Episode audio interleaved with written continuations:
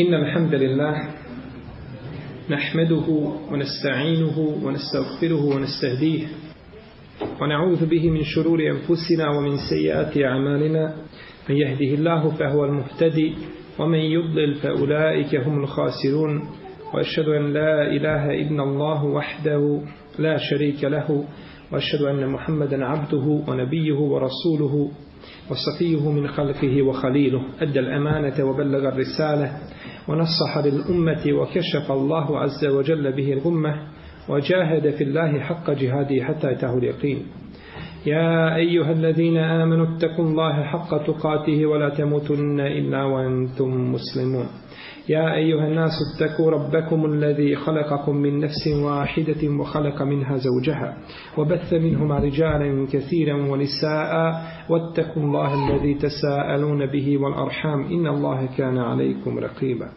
يا أيها الذين آمنوا اتقوا الله وقولوا قولا سديدا يصلح لكم أعمالكم ويغفر لكم ذنوبكم ومن يطع الله ورسوله فقد فاز فوزا عظيما أما بعد فإن أصدق الكلام كلام الله تعالى وخير الهدي هدي محمد صلى الله عليه وسلم وشر الأمور محدثاتها وكل محدثة بدعة وكل بدعة ضلالة وكل ضلالة في النار أما بعد كاج عوتر قد عمران عن عمران بن حسين رضي الله عنه أن رسول الله صلى الله عليه وسلم رأى رجلا معتزلا لم يصلي في القوم فقال يا فلان ما منعك أن تصلي في القوم فقال أصابتني جنابة ولا ماء قال عليك بالسعيد فإنه يكفيك ودمر على ابن حسين رضي الله عنه سبنسي da je poslanik sallallahu alaihi wasallam vidio čovjeka koji je sjedio izdvojen u strani i nije klanjao sa ljudima. Pa mu je rekao, šta te je spriječilo da klanjaš pa je rekao Allahov poslaniče kaže šta te je spriječilo da klanjaš sa ljudima u džematu kaže Allahov poslaniče ja sam se odžunupio a nemam vode nije bilo vode da se okupam pa je rekao poslanik sallallahu alaihi wasallam dovoljan ti je bio sa'id dovoljna ti je bila zemlja Imran ibn Husayn ibn Ubejd ibn Halef Ebu Nuđejm radijallahu ta'ala anhu El Huzai primio je islam zajedno sa Ebu Hureyrom iste godine, godine Hajbera. Bio je od poznatih učenjaka, od ashaba, poslao ga je Omer da pouči ljude islamu u Basru. Kaže Hasan al-Basri, zaklio se uzvišenim Allahom te barak je otala da u Basru nikad nije došao čovjek bolji od njega.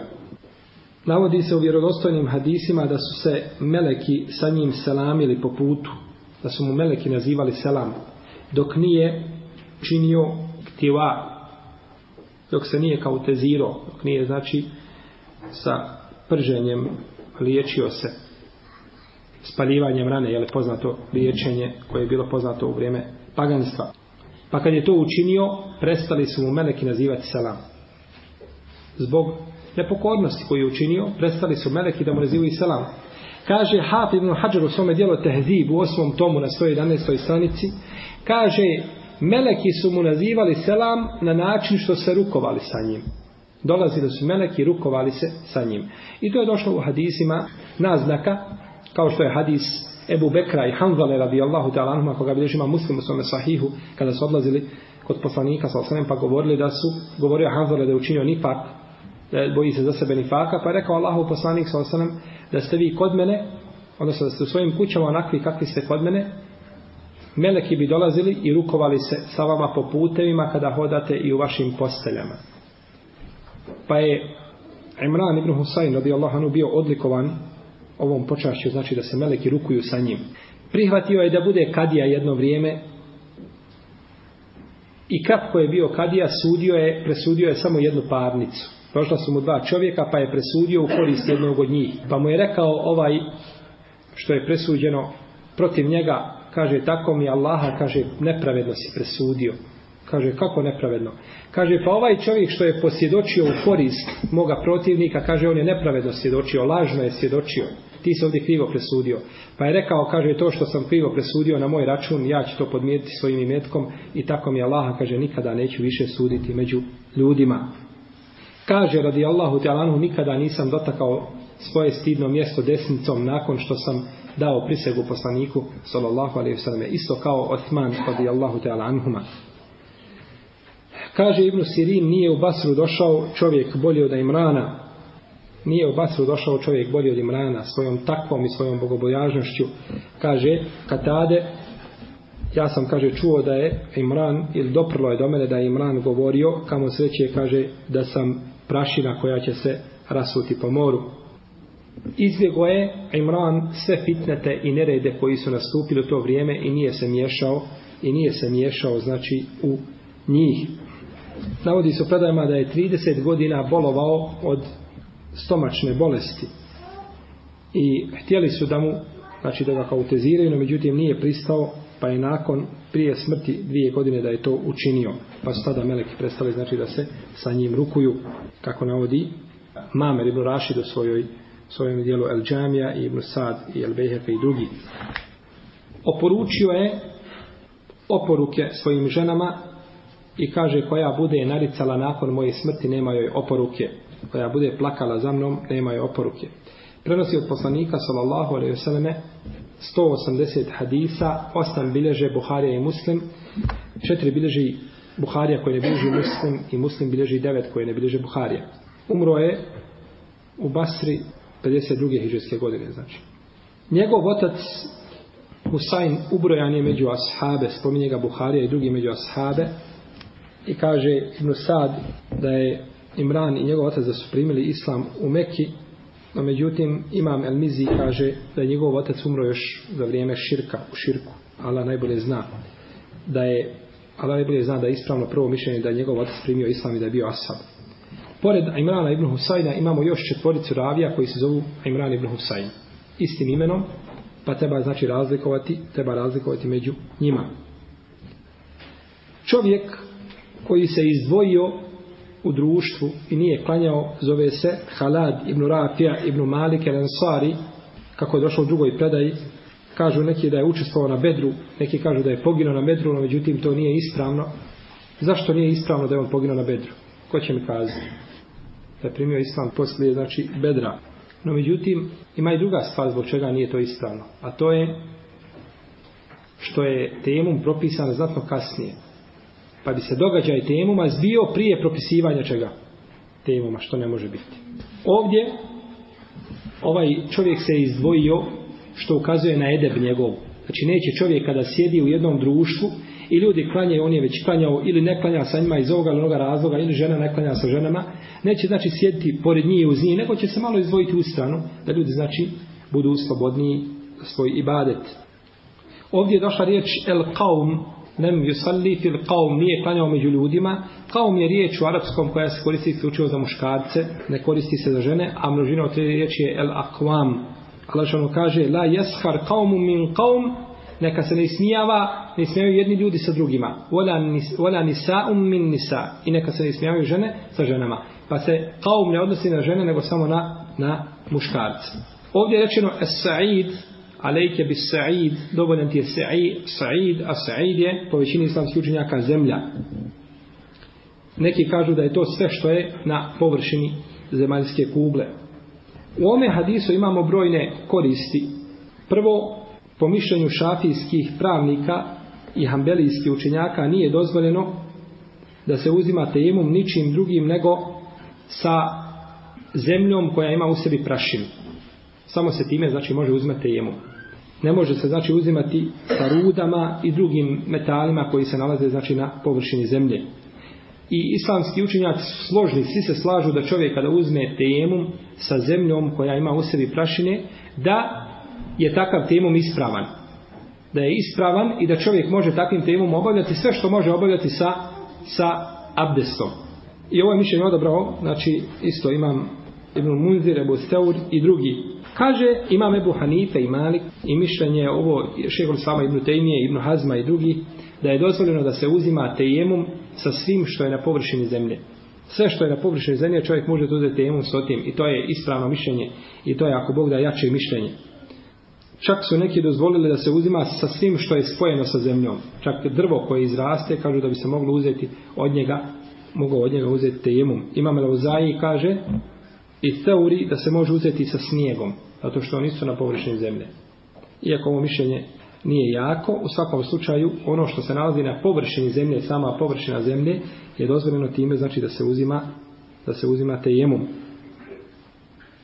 Allahov poslanik sa osam je uzimao tejemum od zid, to što vjerodostavnim predajama, najvjerodostavnim hadijskim zbirkama, da je uzimao tejemum od zid. Prišao bi zid, uzeo tejemum A znamo znači da zid, da nije, ne samo da nije, on je izdignut znači od same površine zemlje i da na zidu nije znači zemlja, našto koja ima prašinu, koja ima prašinu na sred. Što ukazuje znači da nije ograničeno uzimanje temova na samo zemlju koja usled ima prašine.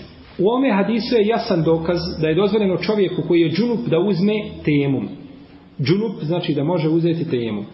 I u hadisu je dokaz da je dozvoljeno bilo ashabima da ići tihade u vrijeme poslanika sallallahu alejhi ve Znači on nije došao pitati za propis, nego je sam, znači po sebi, nego je ičtihadio. Ovdje postoje dvije mogućnosti zbog čega ovaj čovjek nije uzeo temu. Prva mogućnost je da nije znao da je temom propisan. Nije znao znači za taj propis. Ili druga stvar da je mislio da ne može čovjek džunup uzeti temu. Možda može čovjek koji nema abdesa, izgubio abdes pa da uzme temom. No međutim ako je džunup, ne može. Možda je tako smatrao. Znači jedan, jedna, eh, jedna od, dvije, od dvije mogućnosti. Isto tako, ovdje je znači dokaz u Lemi koja kaže da je dozvoljeno čovjeku da ići tihadi pored u prisustvu onoga koga može pitati. Znači, znači to je jedno mišljenje kod islamskih učenjaka. U hadisu je isto tako dokaz da čovjek koji nešto zna o vjeri, pa vidi nekoga ko čini nešto što je čudno, da ga pita za postupak. Vidio sam te, oprosti, vidio sam te da činiš tako prije osuđivanja postupka, pita čovjek i kaže, vidio sam te da činiš tako i tako. Možeš li mi kazati zbog čega se učinio, šta ti je argument, na šta se pozivaš i tako dalje. Prije odsuđivanja postupka. Jer čovjek može vidjeti, na primjer, nekoga da sjedi na tešenu gdje ne sjedi ispravno kako treba. Sjedi na oba dvije noge ili sjedi na lijevoj nozi, na desnoj nozi i tako dalje. I čovjek osudi postupak. A možda čovjek ne može sjesti, možda ga bole moge, možda nije u stanju, možda nije nikad čuo za taj propis i tako dalje. Pa je onda lijepo čovjek da upita zbog čega kako, pa kada vidi da nije znao ili da ima razlog da mu objasni, da mu objasni propis. Isto tako u hadisu je dokaz da čovjek treba lijepo postupati kada, kada osuđuje zlo. To je zlo da čovjek sjedi da neklanja, tako? To je najveće zlo što može biti, da ljudi klanjaju da ti sjediš i da gledaš. Jer ko ostavi namaz, taj je bacio svoj islam iza svoji leđa. Ništa mu nije ostalo od islama, osim imena i lične karte koju ima. Ništa drugo od islama on nema. Ali Allahu poslanik sa osanem kada je prilazio kaže šta te je spriječilo da klanjaš sa ljudima. Znači na tako fin i na tako blag način osuđuje, osuđuje zlo. Sallallahu alaihi wa sallam. Možda će neko kazati u redu. U jednom hadisu Allahu poslanik sa osanem vidio ljude koji nisu klanjali navodi se pa je rekao, kaže, zašto nisi klanjao, kaže, zar nisi musliman? Je li ovo blago ili grubo osuđivanje poslije? Grubo, zar nisi musliman? To je najgrublje što može biti. Zašto ga je tamo grubo osudio, a ovdje kaže, šta te je spriječilo da klanjaš? Nije mu rekao, zar nisi musliman? Kažu islamski učenjaci, zato što se je prvi slučaj desio u Medini, a drugi slučaj ovaj o kome govorimo bio je na putu. Pa na putu čovjek kada je uglavnom može imati nekakva opravdanja i uzore, je li tako? Ili nema vode, ili, ili je bolestan, ili uvijek se nešto na putu dešava što insanu stvara nekakve prepreke. Pa zbog toga je Allahu poslanik prišao mu fino i na blag način osudio njegov postupak. A ono je u Medini tamo gdje postoji mogućnost da čovjek klanja i tako dalje i gdje se klanja u džematu i ne postoji mogućnost da se klanja mimo džemati, jer ti je džemat vađib, a na putu nije, tada je osudio njegov postupak grubo. Znači, sve shodno situaciji, gleda čovjek, znači, gleda situaciju. U hadisu je isto tako dokaz na podsticaj, da ne kažemo, na obaveznost namaza u džematu. Kaže, šta te spriječava da klanjaš sa ljudima u džematu? Da, na, znači, namaz u džematu nije bio obavezan, ne bi Allahu poslanik sa osam u korijoga, već bi rekao, vjerojatno je klanjao čovjek u svojoj kući, nakon toga bi prešutao, znači. I u hadisu je isto tako jedna jako bitna stvar. A to je kada čovjek traži nekome opravdanje i doće da ga ukori, da prvo počne sa opravdanjem. Kaže, ma menake, šta te je spriječilo? Vidite, braće, ove osude. Šta te je spriječilo? Nije rekao što nisi klanjavo. Nego šta te je spriječilo kao da mu kaže, ja znam da ti imaš opravdanje, gdje mi ga samo spomeni. Kako kaže uzvišenje Allah te barake od tala, kaže šeitanu, Kale, ma meneake, ella tesčude iz emertuk.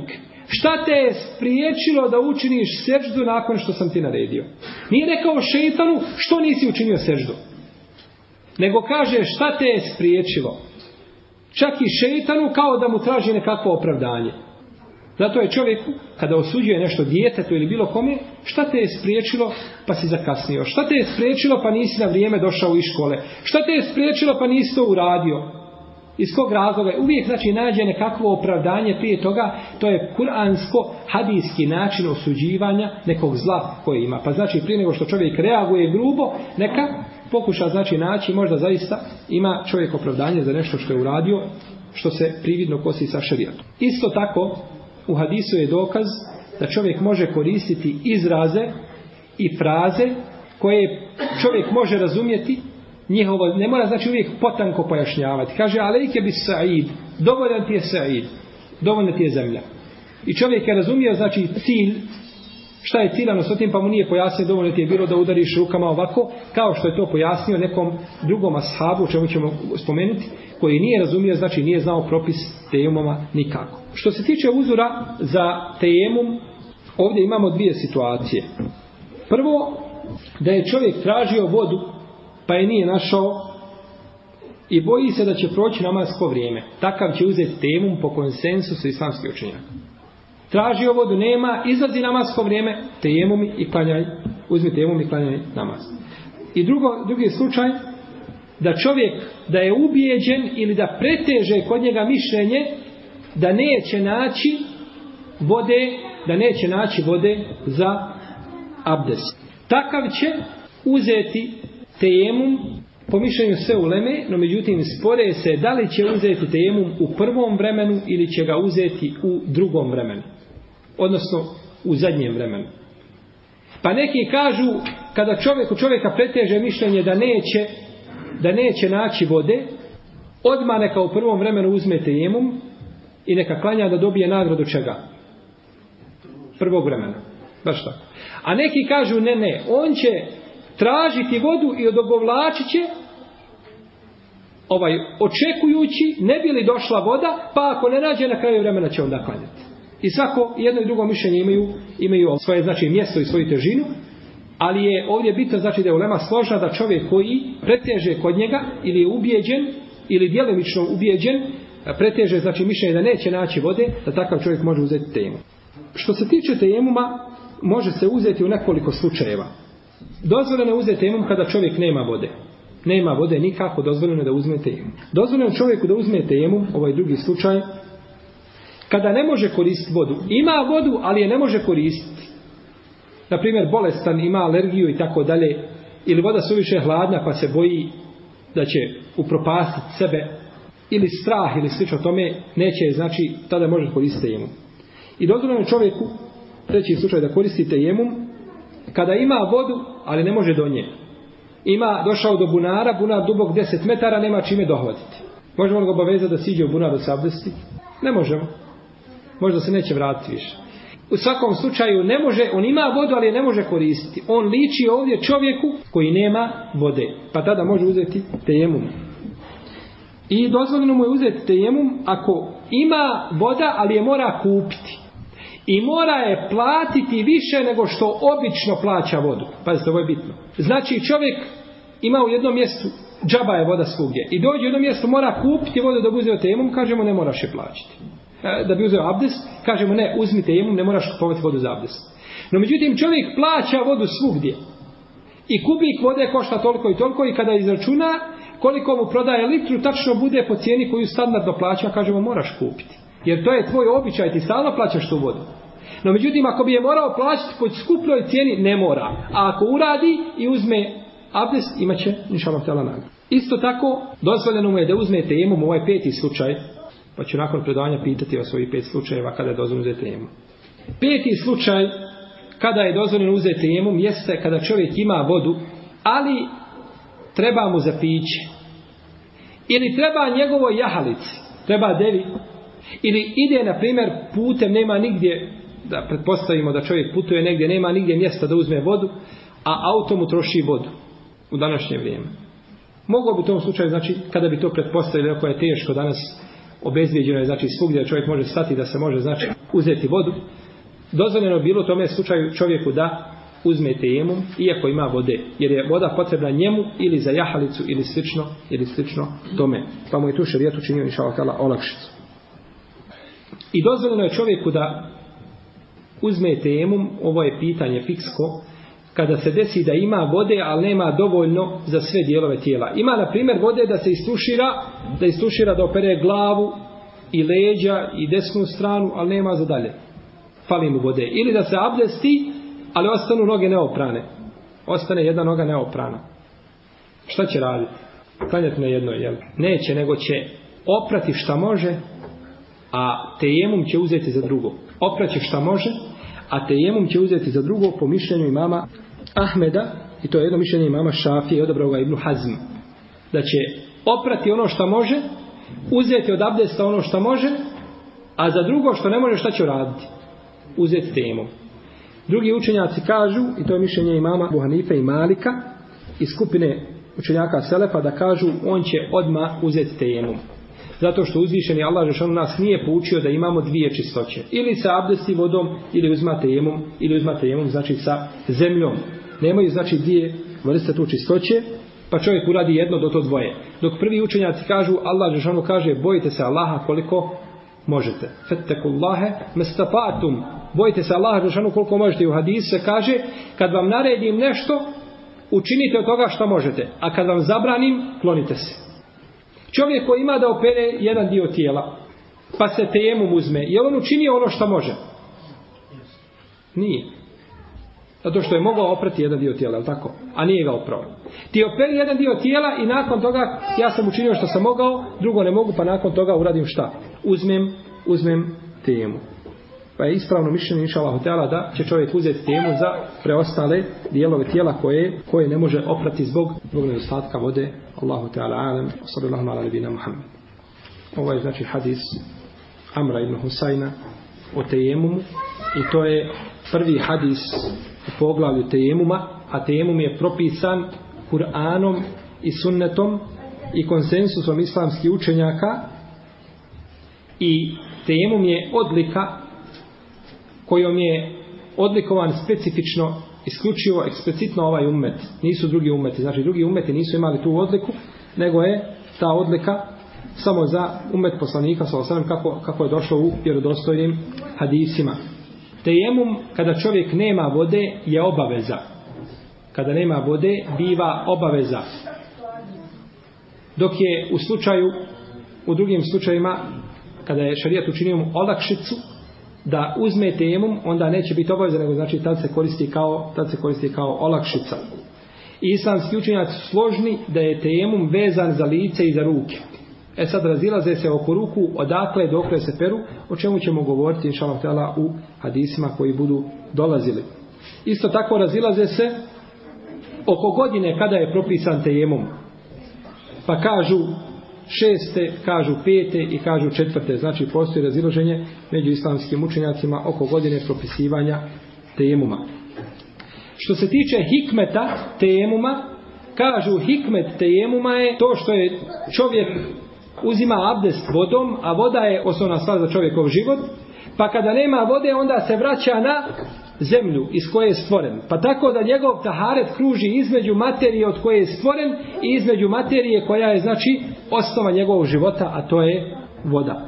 I u ome poglavlju autor je spomenuo tri hadisa, mi smo govorili o hadisu Imrana ibn Husajna i govorit ćemo nakon toga o preostala dva hadisa. On će Allaha te barak tala da nas pouči našoj vjeri, suputi na pravi put, popravi naša stanja i stanja naših porodica, da se uvede u dženecka prostranstva sa našim poslanikom, sallallahu i sallam, iskrenim dobrim mišljenjivima. Puno ma te snaun, Allahu te ala alam, sallallahu ala alam,